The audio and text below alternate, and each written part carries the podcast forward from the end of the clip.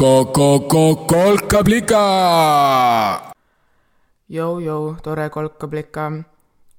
täna on neljas mai, täna on kahe tuhande kahekümnes aasta. täna on teine esmaspäev. minu nimi on Liina, kutsun endki kolkablikaks ja olen täna siin, et tuua sullegi ehk tulu ehk taipamist. kuidas läheb, kas lõpp paistab? Paistab, paistab. paistab nagu päike. põõsad ajavad juba uusi vitsu. oled pannud tähele? forsüütjad on õites, need kolla-kollased essad kevade kuulutajad. ma just lugesin raamatut, mis ilmselt igaveseks mu hipokampusesse laserdas, laserdas hipokampusesse taipamise, et mis muud vitsad et mis muud vitsad need peksuvitsad ikka olid, kui mitte needsamad forsüütjad ja pajud ja veel hullem, sirelid.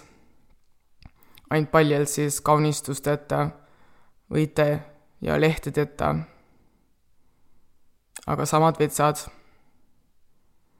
lugesin ja taipasin, et ilmselt on siiani meie hulgas suureks kasvanud lapsi, kellele värsked forsüütjad, pajud ja sirelid tekitavad õõva, sest meelde tuleb sealtsamast hipokampusest, meelde tuleb kevadine peks, mis äh, erines talvisest, kevadine peks erines talvisest, mille anti rihma, erines, sest äh, Need sitked, värsked, painduvad vitsakimbud olid tagumikul ja seljal nõnda palju tulisemad, teravamad ja kibedamad kui see talvine rihm, nii et vitsa saav laps hakkas igatsema talvist rihma. laps hakkas rihma igatsema. sest rihmaõud on kergem, oli kergem vitsaõust. raamatus räägiti forsüütjatest ja sirelitest, aga no ega need meie pajutibud vist äh, palju ses suhtes ju ei erine. Nendega mul on ka pigem ikka niisugune tore kevad tuleb tunne. Aga noh, raamatus jäi mulje, et ikkagi vits vits, vits, ikkagi vits, vits, vits. ma armastan sireleid, ma armastan ka forsüütiaid, ma armastan ka pajuoksi ja armastan ka edaspidi. lihtsalt edaspidi, kui need, lihtsalt edaspidi, kui neid kohtan ja näiteks sirelite puhul eriti, kui neil söögiks õnne otsin, on ju. edaspidi olen nüüd öö, kohe veel veel ekstra tänulik, et mingid asjad siin maailmas ikkagi muutuvad. näiteks ebatraditsioonilise pere, kus lapsi ei peksta kaitseks. traditsiooniline pere, kus traditsiooniliselt lapsi peksti kaitseks, mis asja? mul oli täna ka plaanis rääkida ühest teisest lahtiste otstega muutusest või muutumisest ja on ehk kergelt kohatu, sest täna on ju neljas mai, aga täna tahaksin kõneleda ühest oma uue aasta lubadusest, mille endale kord andsin. või täpsemalt ehk veel lubasin endale. koroona on ajataju meil kõigil ju kergelt sassi ajanud, nii et kas lubad? see uue aasta lubadus ei ole isegi värskeim torgib mind sealt hipokampusest juba üle kahe aasta.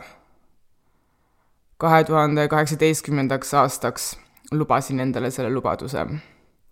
aga enne vist, kui konkreetselt selle juba kaheseks saanud lubaduse juurde jõuan, paar sõna ehk minu uue aasta lubaduste kohta üldisemalt, sest mu uue aasta lubadused on veidrad kerge seletus ehk tuleks tuluks. mul on tunne. mulle nimelt ei meeldi anda ega teha neid tavalisi uue aasta lubadusi. ei meeldi mulle ei vorpida plaane, mida täpsusega, mida täpsusega ülitublina täita tuleb, et edukas olla, ega meeldi mulle selliste kitsaste klaustrofoobiliste plaanimajanduste pakkimine unistuse või lootuse kinkekarpi. nii et mulje jääb, et üksnes sihuke drill, trenn ja distsipliin ongi ainus viis ihade, unistuste, lootuste täitumiseks. ei meeldi. mulle meeldib, kui uue aasta lubadused on pigem siuksed, et ähm, emme, luba palun, palun kommi. kas oled ikka kindel, Liina? jaa. okei okay,, millist kommi tahad? kui et emme, luba, luba, palun kommi. ei, Liina, mis sul viga on? sa oled nii paks, sina küll hom-, kommi süüa ei saa, enne kui sa oled kõhnaks saanud. mine häbene, liiga palju tahad.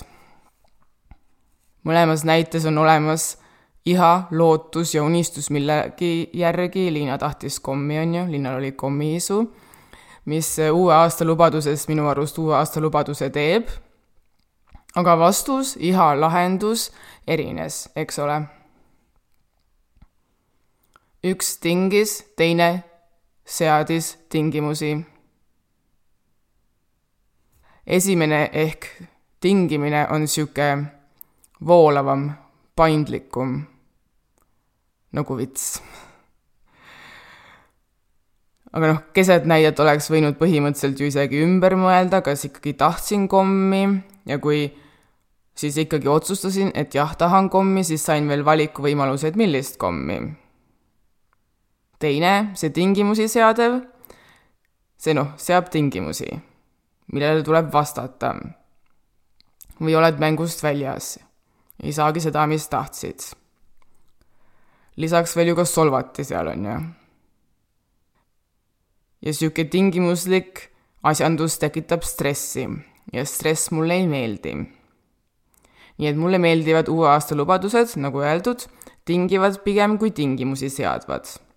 lubadused, millel on lahtised otsad. mu uue aasta lubadused on rohkem muutumisest ja muundumisest kui ühest konkreetsest muutusest. Ja nagu ka juba öeldud, ma pigem luban neid endale, nagu esimene emme lubas Liinale kommi kui Liina oli ikkagi öelda, et ta tõesti tahab seda. luban siis ehk, kui nagu lasen või annan loa lubadusel miskit minuga teha, selle asemel, et tubli tüdrukuna lubaduse antud käsule alluda. Ehk jah, mulle meeldivad siuksed avatud uue aasta lubadused, kus iha, lootus ja unistus on selgelt näha, noh, näiteks mida uuelt aastalt tahaks, kuhu tahaks jõuda, mida saavutada, millega aga ei tule kaasa seda ranget plaani, kuidas too lubadus uude aastasse lahti rulluma hakkaks, mida selleks tegema peaks. Ja selles teadmatuses, et ei tea, kuidas see kõik juhtub või milleks areneb, selles ongi kogu lubaduse võlu mu lubadused on nagu sõnumised.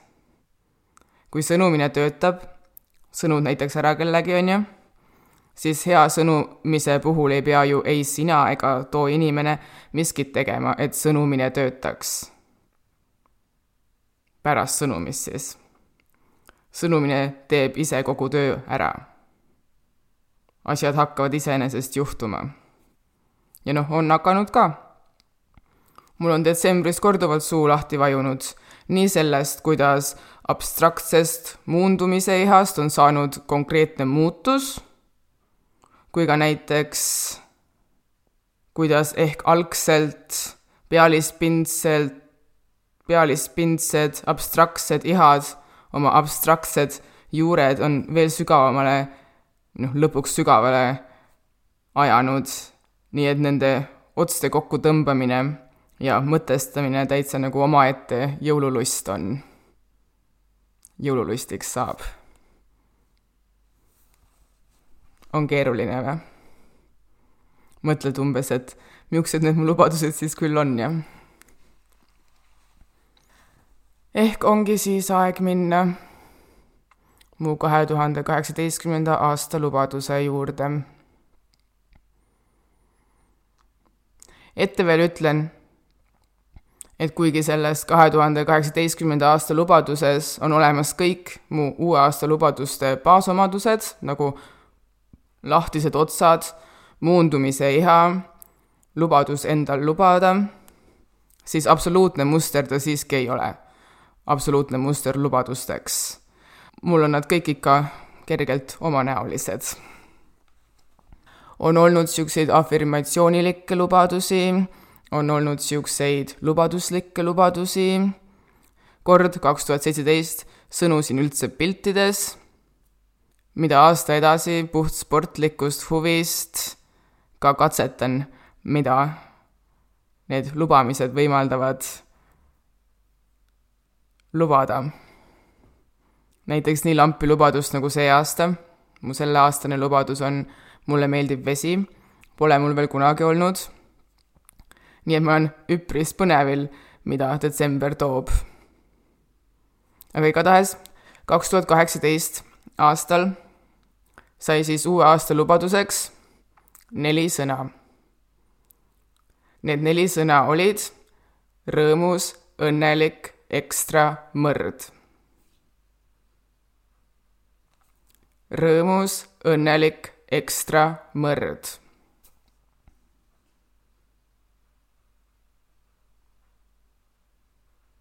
vihma hakkas sadama. kahe tuhande seitsmeteistkümnenda aasta lõpus huvitas mind väga küsimus How should a person be? kuidas olla? Kuidas suhelda endaga? kuidas suhtuda ülejäänud maailma, sealhulgas siis teisse inimesse? ja järgmisest, kahe tuhande kaheksateistkümnendast aastast siis lootsin neile küsimustele nagu mingit kergendust või vastust. Need neli sõna, rõõmus, õnnelik, ekstra, mõrd, tundusid olevat niisugused potentsiaalsed intrigeerivad võtmed, mille kaudu ehk jõuaks siis selle kergendava lahenduseni või jõuaks sellele lähemale. jõuaks ehk lähemale, kui lubada endal neid sõnu ja nende sõnade tähendusi nii ükshaaval kui ka üheskoos uurida mulle tundus toona veel ka paslik, nagu heksagrammid muutuste raamatus, nad kahte üksusesse jaotada. nagu muutuste raamatu heksagrammid koosnevad kahest trigrammist ja ma räägin siin tõesti muutuste raamatu heksagrammidest, mitte kuusnurkadest ja kolmnurkadest. nagu muutuste raamatu heksagrammid koosnevad kahest äh, trigrammist, millest äh, üks, alumine viitab muutust mõjutavatele sisemõjudele ja teine, ülemine, viitab muutust mõjutavatele välisasjadele.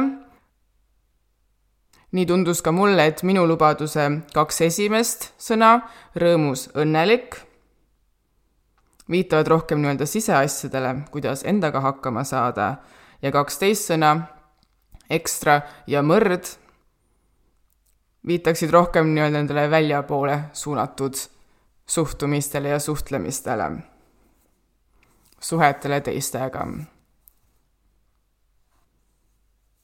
nüüd siis küsimus, miks on mul just nimelt täna, neljandal mail, isu rääkida oma kaheaastasest uue aasta lubadusest? põhjus on lihtne. too lubadus pole ikka veel suureks kasvanud Pole ikka veel iseseisvaks saanud. ikka veel rullub ja ikka veel hargneb mu all teadvuses ja vahel torkab teadvusesse ka sealt hipokampusest. Hipokampus on aju osa, eks ole. siin vist tuleks ka lisada, et ma arvan, et mu uue aasta lubadused on seni nõnda head tööd teinud sest ma pole neilt nagu liiga palju midagi nõudnud.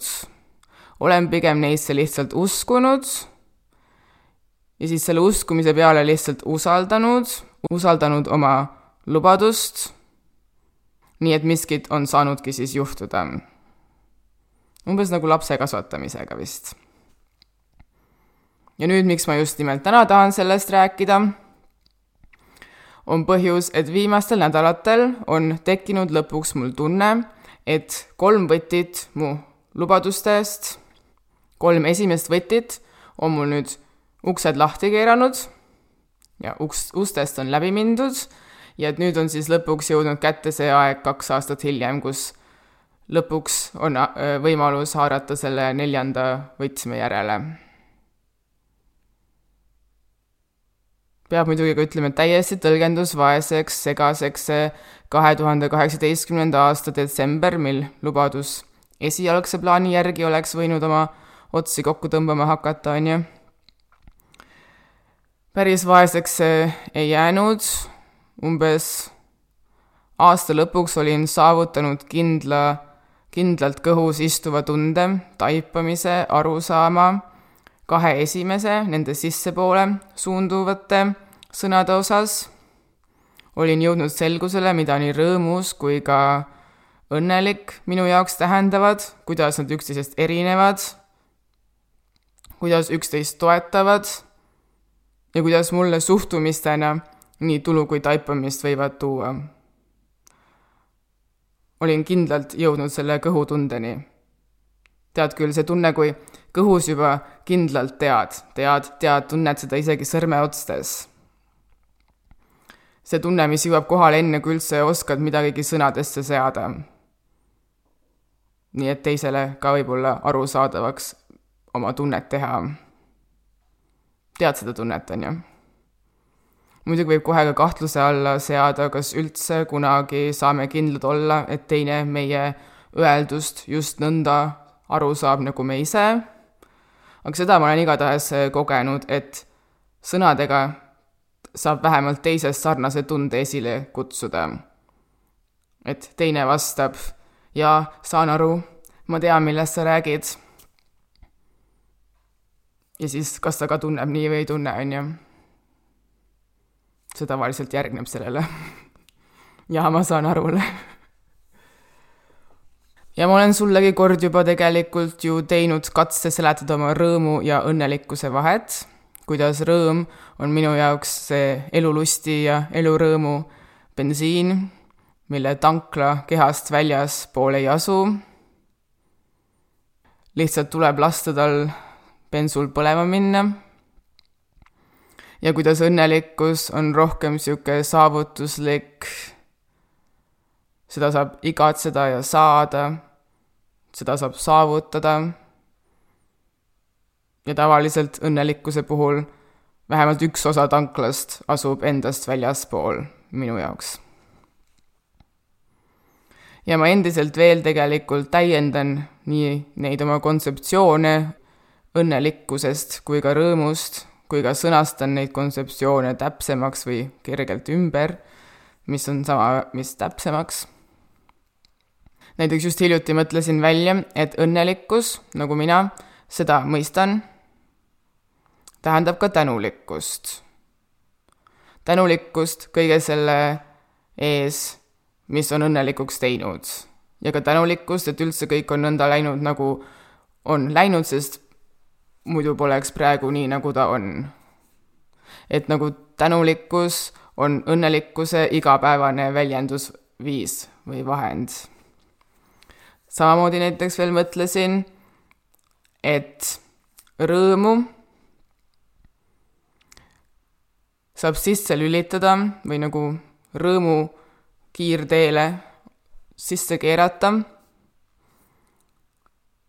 kui tegeled leppimisega. Et kui ma lepin alistuvalt ja mitte allaandvalt, kui ma lepin, et asjad on nii, nagu nad on, siis rõõm on selle peale palju lihtsam tulema. niisugused mõtted ka kolmanda ekstra ukse suunas olin ma kaks tuhat kaheksateist aasta lõpuks nagu liigutuse teinud, aga no tõesti ainult liigutuse, ma ei olnud veel nagu sõrmeotsagagi just puutunud. nii et jah, aastaga lubadust kokku sõlmida mul toona ei õnnestunud. olin olnud liiga ambitsioonikas lubaja. võtnud nõnda suure tüki, et aasta suu läks lõhki ja noh, tegelikult pole ka nagu suur ime, et mul just selle lubadusega nõnda kaua aega on läinud ja endiselt läheb. sest esiteks on ta võrreldes teiste varasemate ja ka tegelikult hilisemate lubadustega võrreldes ikkagi väga palju mahukam, neli osa, mis on omakorda kaheks osaks jaotatud ja siis on nagu kokku veel tervik, on ju. samuti pole ükski teine lubadus üritanud lahendada nõnda suurt küsimust nagu kuidas inimene olema peaks ilmselt tuleks ka arvesse võtta seda, et kaks tuhat üheksateist ja kaks tuhat kakskümmend on nüüd ju uued lubadused veel ka peale tulnud, mis ka seda alateadvuse aega võtavad, on ju. aga noh, lõppkokkuvõttes ei ole me ka absoluutselt üllatunud, et just nimelt selle teise poolega ekstra ja mõrd, mis olid mõeldud välja suunas, et mul just nendega nõnda palju aega on läinud ja minemas, et neid nii-öelda lahendada. ja no miks? ma olen klassikaline häbelikkuse juhtum. ma olen klassikaline tagasihoidlik inimlaps, kes kas siis suurest austusest või hirmust või umbusust on teise inimese suhtes alati olnud esmalt pigem ettevaatlik, pigem vaatlev ja jälgiv ja harjuv ja kohanev ja siis vaikselt reageeriv ja avanev. pigem kindlasti seda, kui see hei hoo, siin ma olen, lepi või lahku, tšau siin me oleme, siis ma olen kindlasti rohkem liina kui kohviveski. ja noh, tegelikult ma ei näe häbelikkuses ja tagasihoidlikkuses ka mingit probleemi, kui ta nagu üle piiri ei lähe või? ma tõesti näen tagasihoidlikkuses ja häbelikkuses ka väga palju toredat, just nimelt näiteks seda austust teise inimese vastu kannatlikkust ja valmisolekut harjuda teise inimesega. teisele inimesele ruumi andmist.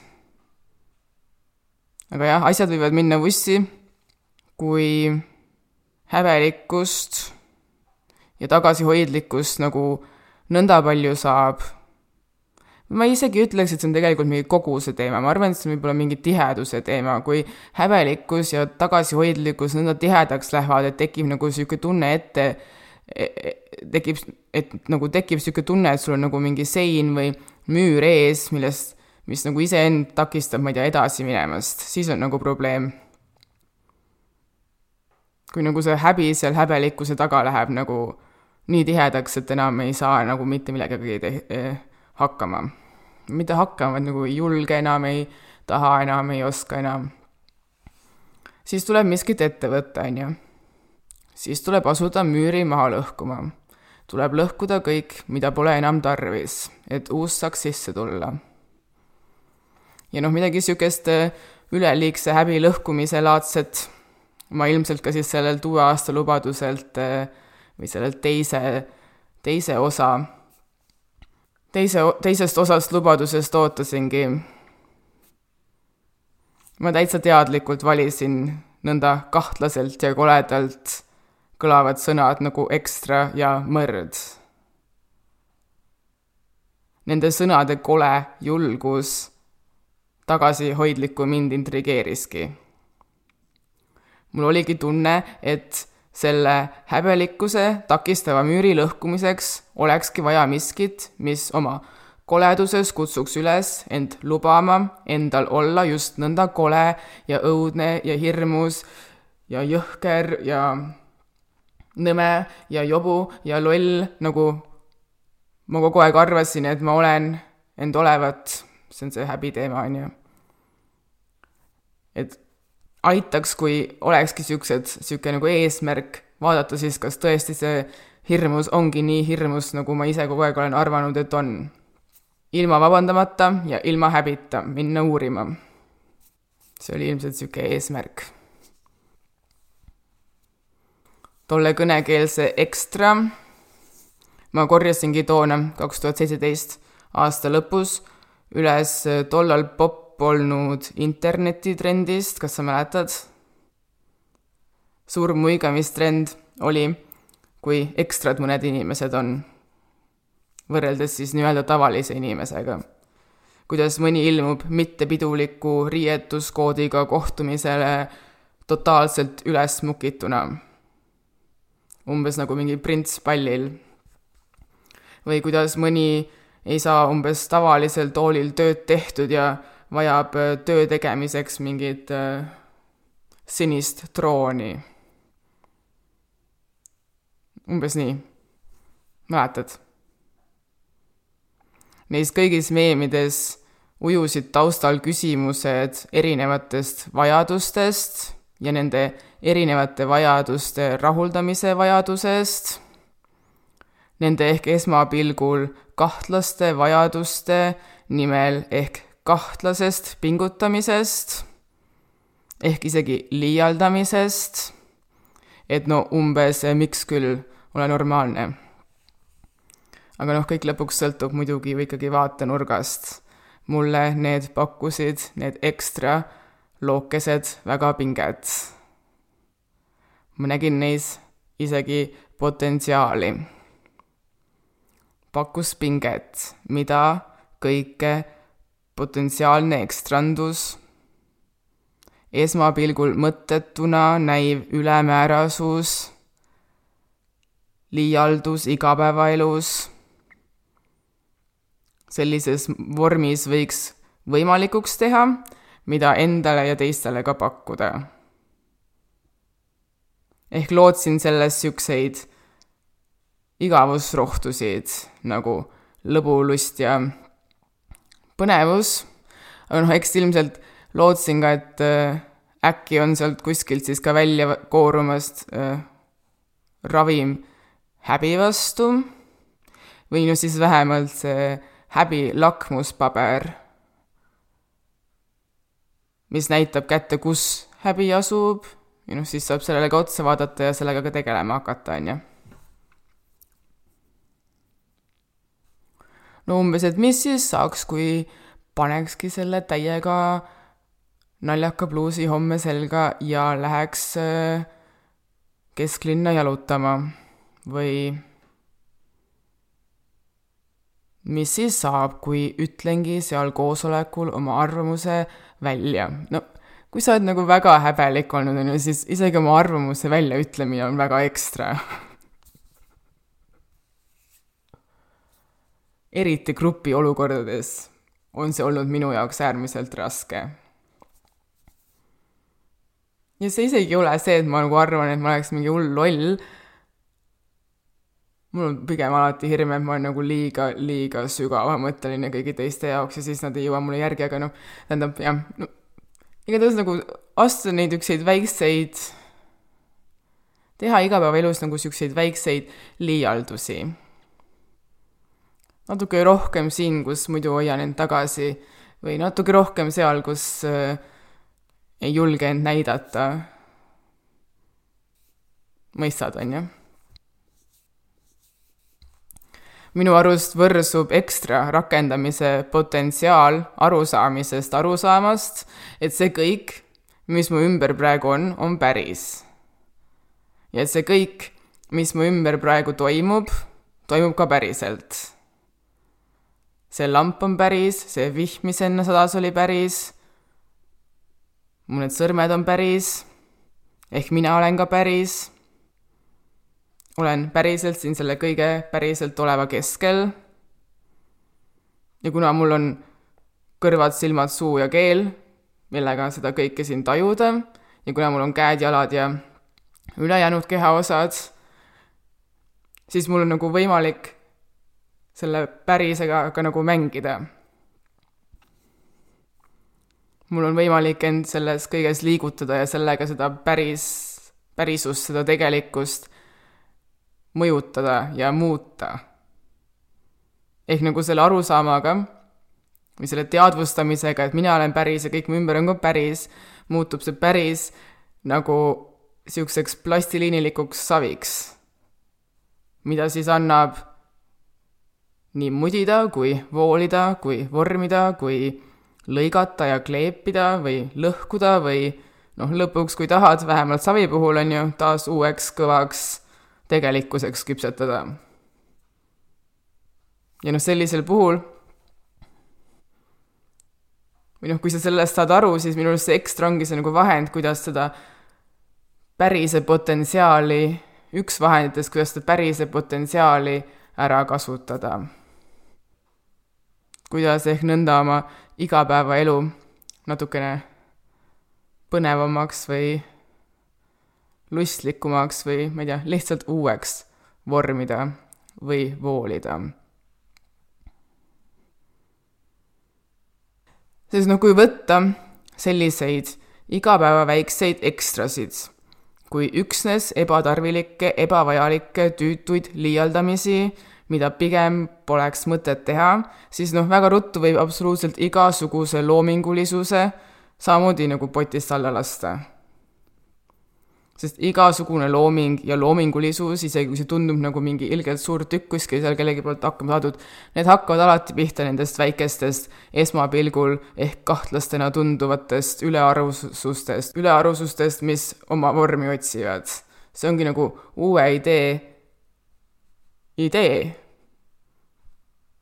uus idee on kahtlane võrreldes kõige vanaga, mida juba teadsid ju uue idee teebki eriliseks see teadmatus. ja noh, uue idee tarvilikkust ei tea sa enne, kui läbi proovid. ja noh, kuna ekstra oli seal väljapoole viivate paaris, siis üks näide näiteks. pühapäeval on emadepäev. Emadepäeva võiks lasta niisama mööda, sest ema armastan iga päev niikuinii, on ju, mis on ilmselt natukene nagu kõlk. Nii et äkki siis helistaks, iga aasta niikuinii helistaks, teeme see aasta samamoodi, aga noh, näiteks mis saaks või mis juhtuks, kui oleks natukene ekstra. paneks näiteks proovile oma laulukirjutusoskuse ja võtaks eesmärgiks oma kalli ema nimel ja jaoks luua rivaallugu kuulsale laulule Ema, sinust ongi see laul. ja mis veel oleks, kui otsustaks, et davai, teeme hästi suure ja keerulise viisi. mis saaks, kui sa otsustaksid, et davai, proovime järgi? ja mis tunne veel emal oleks? no kindlasti saaks hipokampus kena laserduse jälle juurde, mida tulevikus sealt siis nagu teadusesse lükata, on ju. aga samas, kes teab, minu kogemus on, et kui üks idee on juba läbi katsetatud, tuleb sealt ruttu ka teine ja kolmas ja nii ongi lõpuks lihtsalt plastiliiniga mängimisest varsti savikruus valmis. ma ei tea, mis sa arvad? kas oleme ekstrad või? emadepäevaks. Lõpetuseks ehk ka veel väike kommentaar mõrdlusele. Ma ei tunne veel üldse erilist kindlust kõhus, et tean, mis, mida sellel mõrral mulle täpsemalt öelda on, aga ma olen tundnud viimasel ajal ta niisuguseid kulgemus, kulgemissageduste moodustumist, olen pannud tähele nagu kogunevaid tuuli, mis mulle midagi õpetada tahavad ilmselt, ja noh, tõele au andes olen ka nagu hakanud tänu sellele mõistma, kuidas olen ilmselt nende peal ennegi lasknud oma elus. aga ehk siis muutub see kõik nüüd nagu kuidagi teadlikumaks. igatahes Eki ütleb, et mõrral on kaks tähendust. esiteks on mõrd vitstest kalapüünis, mis on minu arust ilmselgelt parem vitsakasutusviis kui too vits, millest ma kõige alguses rääkisin, on ju. teiseks on mõrd EKI andmetel liiderlik mehi jahtiv naisterahvas, milles ma ka otsest probleemi ei näe. näen ehk poleemikat, aga probleemi otseselt mitte. sest teadupoolest olid ju liiderlikud naisterahvaid jahtivad mehed, need, kes tuleriitadele saatsid paljud paar päeva tagasi oma päeva tähistanud väga targad teadjad naised.